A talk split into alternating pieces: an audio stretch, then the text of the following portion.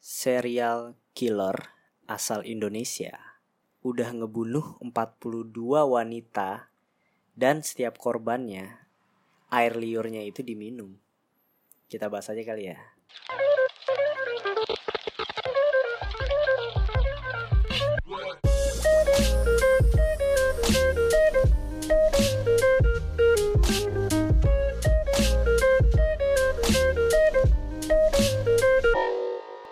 Oke, balik lagi bersama gua Bimo di Opini Tengah Malam. Hari ini gua nggak sendiri, bareng Fedrian tapi tanpa Faris. Ya. Siapa dong Fed? Ya, balik lagi. Iya, Udah lama banget ya. parah sekian lama. Terakhir kapan kita tuh? DC. Iya DC. Ya itu udah berapa minggu pun lalu. DC buatnya Buatnya udah lama banget kan? langsung dua sekaligus. Parah deh. Nah ini Faris kebetulan yang nggak bisa, jadi gue berdua aja bahas konspirasi. Langsung gue bahas aja nih. Jadi di Indonesia juga punya serial killer. Kalau di luar negeri tuh ada yang namanya Zodiac Killer. Kalau di Indonesia ini panggilan terkenal di luar negeri di luar negeri namanya The Sokserer Ahmad Suraji. Kalau di Indonesia dipanggilnya Dukun AS. Jadi langsung gue bahas aja mungkin ada berapa part nih ya. Gue sambil baca ya. Ada 1, 2, 3, 4, 5. Jadi ada 5 part latar belakangnya, isinya, korban yang selamat, kesaksian di pengadilan sampai Surajinya dituntut hukuman mati. Oke, gue bahas aja deh latar belakangnya. Yang pertama, Ahmad Suraji, populer dipanggil Dukun AS. Juga terkenal dengan nama Nasib Kelewang. Ia adalah seorang pelaku pembunuhan terhadap 42 wanita yang mayatnya dikuburkan di perkebunan tebu di desa Sei Semayang, Kabupaten Deli Serdang, Sumatera Utara, tahun 1986 hingga 1997. Nama aslinya itu Nasib, karena sering menggunakan kelewang saat melakukan pencurian tebu di kawasan Stabat, ia pun dipanggil oleh dipanggil Nasib Kelewang. Nama Ahmad Suraji ini disandang setelah keluar dari penjara karena tersandung kasus pencurian lembu. Jadi dia emang udah pernah masuk penjara sebelumnya, cuma masih baik-baik nih anaknya. Sehari-hari itu dia kerja jadi petani, lulusan SD, punya tiga anak. Nah tapi yang anehnya nih Fat, dia itu punya tiga istri. Dan istrinya itu, gimana jelasin ya? Adik kandungnya istrinya sendiri Dua-duanya. dua-duanya. Jadi anehnya tuh dia bilang ke istri pertamanya, gue mau nikah lagi karena pengen punya anak cewek.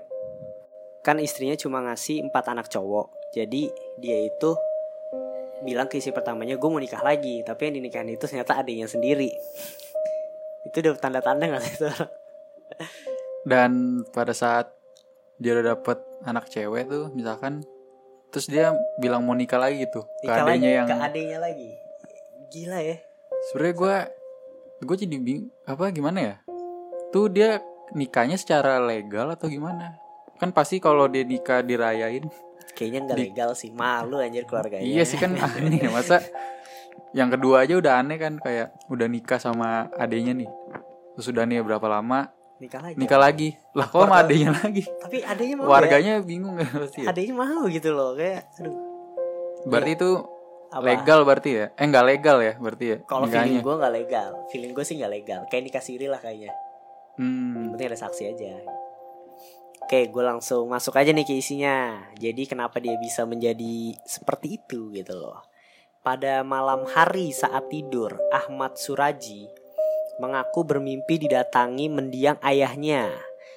Dalam kurung kemungkinan besar iblis yang menyamar gitu loh. Jadi kayaknya bukan ayahnya sih kalau menurut menurut artikel ini. Ia mendapat bisikan gaib akan diwarisi sebuah ilmu yang maha sakti. Katanya ilmu ini tak terkalahkan.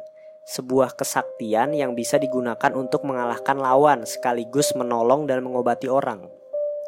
Jadi hanya syaratnya yang berat supaya bisa menguasai ilmu kesak kesaktian secara sempurna, Suraji harus menimbulkan eh menumbalkan 72 nyawa wanita. Salah satu prosedur wajibnya dengan mengisap air liur mereka.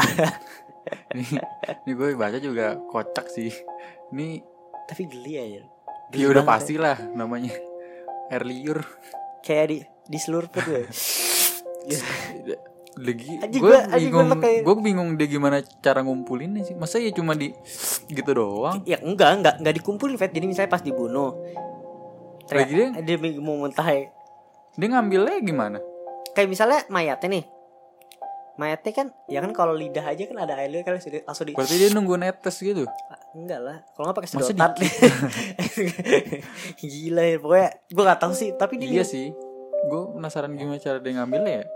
Anjing, enak, enak parah nah dah, dah, jangan bahas air liur dah namun hasrat memiliki ilmu yang mandraguna begitu menggelora apalagi ilmu ini dianggap mampu menolong orang dalam batinnya akhirnya muncul kesimpulan salah salah satunya mengorbankan sejumlah nyawa untuk kebaikan yang lebih besar nah menurut gue ini persepsinya dia sih yang salah sebenarnya Hmm.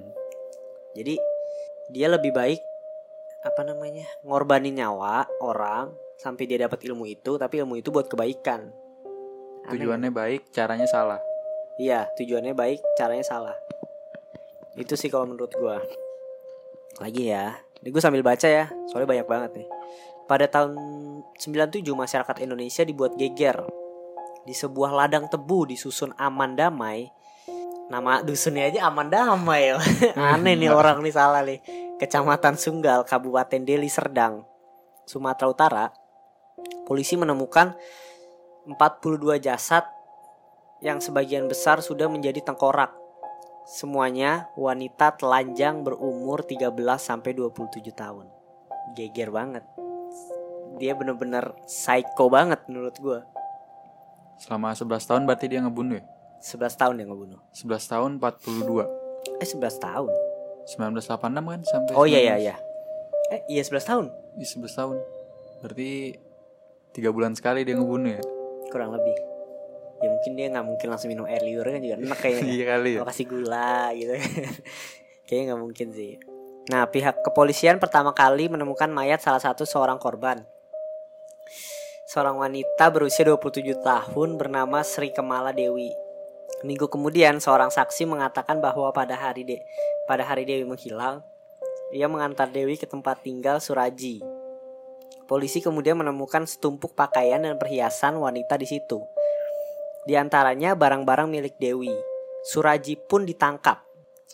Jadi ketahuannya itu gara-gara ya korban terakhirnya sih, yang keempat duanya itu dia ah, meninggal hilang dan salah satu warga ngelihat ke rumahnya si dukun itu. Dia sebenarnya dukun, jadi kayak misalnya mau laris, mau cantik, biar dia apa ya masih pedalaman kayak lu ke gua ayo gitu loh. Jadi orang-orang pada mau sampai akhirnya ya mungkin beberapa yang ini cuma kan biar dia nggak ketahuan menurut gua dari 10 orang yang konsul satu matilah Tapi gue baca dari setiap orang yang konsul. Dari setiap orang dibunuh. konsul? Iya. waduh itu faktanya gue lebih, lebih- kalau tadi tadi masih asumsi gua jadi setiap orang yang konsul Iya, tiap orang yang datang pokoknya mau ke dia, misalkan mau susuk. Nah, nih kocaknya juga dibayar dulu, dia nggak langsung ngebunuh. oh dia dapat duit dulu Iya. Kurang ajar juga kan. mata duit Jadi dia bayar dulu baru dibunuh. oh baru tahu gua Aneh sih kenapa, tapi aneh kan jadi kenapa nggak ketahuan ya? Harusnya di pembunuhan tapi hilang sih orangnya kan hilang jatuhnya atau mungkin orang zaman dulu. Tapi orang zaman dulu harusnya lebih kenal lah. Eh, tapi kayak gini misalnya gue mau pakai susuk emang gue bilang-bilang orang kan enggak tiba-tiba gue datang aja ke dia biar gue malu juga pakai susuk Tapi kan misalkan nih misalkan apa kita mau pergi nih ya apa bikin susuk nih. hmm Terus pasti pas mau pergi pamit dong sama orang tua. iya Mau pergi nih. hmm. Terus anaknya nggak balik dua hari tiga hari. Hmm. Masa iya nggak dicariin sih? dicariin tetap Terus cuma udah- nggak tahu hilangnya ke mana ternyata ke dukun AS ini yang membunuhnya kalau udah sampai tengkorak kok yang ditemuin 42 tengkorak gila berarti kan udah udah jadi tengkorak gitu loh Iya sih, cuma tapi kelamaan aja gitu sampai 42. Tapi berarti mungkin main halus. Atau enggak emang dibantu hitam jin. kali. iya, Iya, nah, mungkin itu sih. betul. kita lanjut. Dia itu di ditetapin hukuman mati tahun 97 98 tapi baru dihukum matinya itu tahun 2008 aneh. Padahal kasusnya udah lama. Nanti kita bahas. Kalau nggak salah di artikel ini ada kok. Korban yang selamat. Kesaksian korban yang selamat entah akhirnya benar-benar sakti atau tidak oleh masyarakat Suraji dianggap sebagai orang pintar atau dukun. Dia dianggap orang pintar.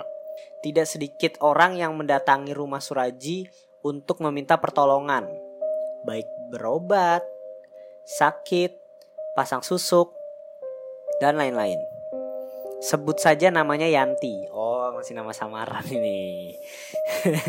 Seperti yang dituliskan dalam buku The Bastard Legacy, warisan legendaris para bedebah karya jo Jonathan.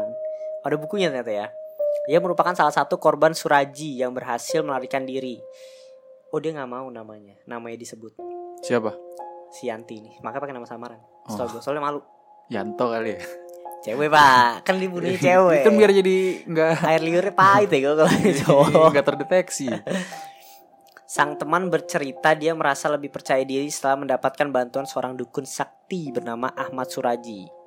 Gue singkat aja ini kepanjangan, ada percakapannya juga. Jadi gini, si Yanti itu datang ke uh, siapa namanya Suraji ini, minta susuk dan lain-lain. Ternyata ada syaratnya. Udah berhasil berapa kali pertemuan, yang pertemuan kedua dibawa ke tempat kosong, ladang gitu Yantinya awalnya ikut-ikut aja karena dia pikir oh ini salah satu syarat nih. Hmm. Disuruh satu sama si Surajinya buka baju telanjang. Mulai aneh nih. Dia ikutin karena dia pikir masih masih oke lah.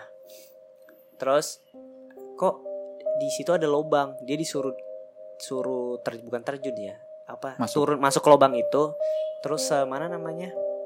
Seleher, seleher, dikuburnya seleher. Katanya biar menyerap atau apa. Di situ dia mulai aneh lagi. Pas dia mau masuk, itu dia dicekek ternyata sama Surajinya. Dia ngebrontak, ngebrontak, dorong Surajinya, malah Surajinya yang jatuh. Hmm. Entah perlawanan apa yang dilakukan akhirnya dia kabur. Tapi dia nggak cerita ke siapa-siapa, Fed. Polisi taunya juga bukan dari bukan dari kesaksian orang ini, tapi dari si mayatnya Dewi itu. Jadi yang si dia berani ngomong setelah Surajinya di pengadilan. Waktu di pengadilan. Dan di pengadilan itu katanya rame banget. Jadi sampai pengadilannya itu penuh di luar pengadilan disediain TV untuk nontonin dia. Gara-gara sebenci itu orang-orang sama dia di desanya. Gila nggak tuh? Sebelum terkuak dia ngebunuh atau Iya loh, sesudah? Berarti sesudah. Ya sudah. Berarti sebelum itu orang-orang biasa aja sama dia. Ya kan nggak tahu, nggak tahu dia. Iya pembunuh. kan? Iya biasa aja. Oke lagi deh. Terlalu. Berarti mungkin gak sih yang tadi itu nggak mau ngaku? Yang mana? Yang tadi itu si Yanti. Iya kenapa? Mungkin ada jin gitu kali ya. Wah, harusnya kalau udah kayak gitu Ya tapi gimana sih? Fer? atau dia mungkin Tapi gue jujur kalau seandainya gue ketahuan itu kayak gue ngaku sih. Maksudnya gue kayak bodo amat gue pakai susuk sengganya nih orang bahaya nih, Mm-mm sih. ya kan? Atau mungkin dia malu mungkin bener kata lo kali ya. Hmm. Beban moral mungkin kalau ketahuan pakai susuk. Iyalah, malu siapa yang nggak malu? Tapi udah mau hampir dibunuh anjir. Iya sih, tapi ya iya gue sih bodo amat mau Takutnya kayak ada ya dikirimin jin gitulah. Jadi Iya sih. kalau Iya pasti ilmunya ya 42 air liurnya Iya udah lu, mau uh, udah, berakhir, gila udah udah. setengah lewat tuh ya. Aus udah. Lama-lama kayak tagihan lagi dah. Aduh, enak lagi anjing gue kalau ngomong air liur dah. Makanya cewek kali ya, jadi gak gitu jijik kali Bim. Udah, udah, udah, udah, udah, udah, udah, sumpah demi demi gue. Makanya bapaknya juga ngasih taunya cewek kali, gak mau ngasih tau cowok kayaknya dah. Kalau cowok kan lebih jijik. Ah, Jadi cewek. Iya kan? dan Suraji. nak nak nak nak nak. Lalu lalu sabar. Enak bener, anjing. Dalam melakukan aksi biadabnya itu, Suraji dibantu oleh istrinya, istri yang pertama. Hanya istri tertua yang ikut, yakni Tumini. Berdasarkan pengakuan itu, dua istri Suraji, yakni Tuminah dan Nitiyah, we, diperbolehkan pulang sementara Tumini mengikuti jejak suaminya menekan di tahanan. Membantah tuduhan, Suraji disidang di pengadilan Lubuk Pakam, Sumut, Sumatera Utara, 20 Desember 97. Saking banyaknya pengunjung, nah nih, sampai di depan tuh ada 4 TV monitor untuk, wih live gitu loh maksudnya, Hmm. untuk ngeliat si, di- si serial killer, killer ini. Sang- uh, polisi juga menyiapkan 4 peleton untuk mengamankan jalannya sidang. Jadi emang bener-bener di ini banget. Padahal dia nggak menunjukkan seorang serial serial killer gitu loh. Iya sih. Tapi nggak tahu kenapa gila dijaganya gini kalau lihat fotonya orang biasa aja kan? Iya. Gue taruh di Instagram. Kebanyakan pengunjung sidang mencapai ratusan orang itu berniat menyimak sidang melainkan sekedar melihat tampang datuk. Oh jadi nggak cuma dia kepo nih siapa sih yang ngebunuh 42 Hmm. orang gitu loh. Saya sih penasaran aja kayak apa sih asik ucap satu pengunjung. Gila artikelnya ada gitu deh. Dalam persidangan Suraji menolak laporan polisi dia membantah telah membunuh 42 orang. Gila masih ngebantah loh nih orang gitu udah udah bastet gini. Pengakuannya bahwa dirinya telah membunuh 42 orang berdasarkan bisikan gaib muncul karena paksaan selama proses interogasi. Interogasi apa? Interogasi. Oh, jadi sebenarnya kayaknya sih yang gue tangkap itu dia nggak tahu dia ngebunuh berapa. Tapi pas diinterogasi kata dia bilang dibisikin setan dia udah ngebunuh 42. Seperti itu kurang lebih. Halnya sama juga yang diucapkan Tumini dia membantah tuduhan telah bersekutu dengan suaminya. Kami majelis hakim memutuskan saudara terdakwa dijatuhi hukuman mati. Kalau kata majelisnya, putusan ini langsung disambut gemuruh tepuk tangan pengunjung yang mema- menda- mendatangi ruang sidang. Suraji tampak tenang mendengar vonis itu, bahkan ia sempat melempar senyum saat kamera wartawan menjepretnya. Sadar kamera ya. Gila iya ya. Kayak ih sebelum mati nih gitu kan. Saya minta banding. Ujar ayah sembilan anak itu. Gila ya. Gila ini orang. Jadi kocak aja Ya, pas dia senyum ke kamera. Biar. Biar inilah. biar di internet fotonya bagus kali ya. Ya iyalah. Keburu 42 orang gitu loh. Terus dia ngomong lagi nih. Saya tidak percaya yang aneh. Setelah sekian tahun kenapa baru tertangkap sekarang kalau korban terakhirnya Dewi? Saya tidak tahu, mungkin saja anak saya yang melakukannya, kata Sartik. Istrinya. Aneh gak sih ini orang? Malah nuduh anaknya sendiri anjing. Ya. Ya, aduh ini kayaknya keluarga emang udah udah udah sedikit trouble deh. Iyalah lo udah main-main sama Ilmu hitam. Iya udah pasti udah nggak bener lah. Nah lagi nih upaya banding dilakukan namun pengajuan bandingnya ditolak tahun 98. Demikian juga kasasi ke, Maha- ke Mahkamah Agung ditolak pada tahun 2000. Sementara Tumini mendapat vonis hukuman seumur hidup. Selama menunggu pelaksanaan eksekusi mati, Sur- Suraji terlihat tenang dan sabar sehari-harinya. Dia memelihara ikan ya yang disediakan oleh LP Oh ini di tahanan. Suraji juga mendapat bimbingan rohani khusus. Suraji mengaku sangat merindukan keluarganya. Ia ingin berkumpul dengan istrinya, sembilan anaknya seperti sedia kala. Jadi sebelum dia meninggal, dia pengen ketemu dulu sama istrinya dan baru di baru dihukum mati tahun 2008. Kurang lebih gitu kasusnya. Gimana tanggapan lo, Fet? Tanggapan gue ya, ya menarik sih gue sebenarnya juga baru tahu nih lu kasih tahu ternyata di Indonesia ada pembunuh berantai yang berhasil ngebunuh 42 orang selama 11 tahun. Selama 11 tahun, 42 orang wanita umur 11 sampai 27 dan air liurnya diminum. Iya, ini aneh sih menurut gua kalau dia ini berita kalau nyampe luar negeri ini udah menurut gua kedua dari zodiac killer mungkin creepy-nya Eli Salam mungkin ya halus loh maksudnya selama 11 tahun loh, Bim. Iya, Apa mungkin memang zaman dulu mungkin di desa atau iya gimana. kali ya cuma kayak perang aduh gue nggak ngerti sih gue nggak terlalu berani ngomong jauh sih kalau karena juga ilmu hitam jadi kayak syaratnya bener atau enggak emang emang gara-gara dia atau karena bisikan setan nih kita bahas nih. Gara-gara dia sendiri psik psikologinya atau emang bisikan setan menurut lo? Jujur gue karena ini di Indonesia gue percaya itu bisikan setan. Apalagi tahun segitu kan tahun masih marah Gila tahun masih- segitu ya Gak ada bukan tahun segitu Tapi kalau gue menurut gue Bisikan sih. Lu tahu yang Conjuring 3 Conjuring 3 ini nanti Storynya itu tentang orang di pengadilan Yang ngebunuh keluarganya Karena bisikan setan. Oh gue nggak tahu. Iya. Karena lebih bagus si Sura- Suraji ini kan Kalau diangkat ceritanya. Maksud gue ya Jadi menurut gue sih Bisikan setan sih. Tapi Ya Mungkin bisikan setan itu Dan dipersepsikan dia Gue punya power Buat kebaikan Dengan melakukan kejahatan dulu Dan itu yang salah Lu tanggapan lain? apa ya ya gue bener-bener kaget aja sih maksudnya bisa loh orang sampai kayak gitu Ada loh orang kayak Iya. gitu gitu juga kan. dan karena gue bukan orang yang gimana ya gue orang yang kan biasa-biasa aja Hmm. nggak pernah sampai kayak begitu gue jadi gue nggak tahu jalan pikiran itu orang tuh kenapa sampai berbuat begitu Iya sih. hal apa yang memicu dia buat begitu jadi gue bener-bener gue nggak tahu sih ken- kenapa dia bisa begitu Iya oke. Kalau menurut kalian gimana nih? Tulis nanti di story gue, eh di story gue, story opini tengah malam. Gue akan share menurut kalian itu dia meninggalnya karena eh meninggalnya karena bisikan setan atau emang karena psikonya dia. Segini aja tema dari opini tengah malam. Ini menarik banget serial Hmm. killer asal Indonesia. Jangan lupa dengerin opini tengah malam. Sekarang udah di banyak platformnya. Kalian bisa dengerin di mana aja, kapan aja, dan sesuka hati kalian gitu. Tetap dengerin opini tengah malam, konspirasinya, film dan hal apa pun itu. Bye. bye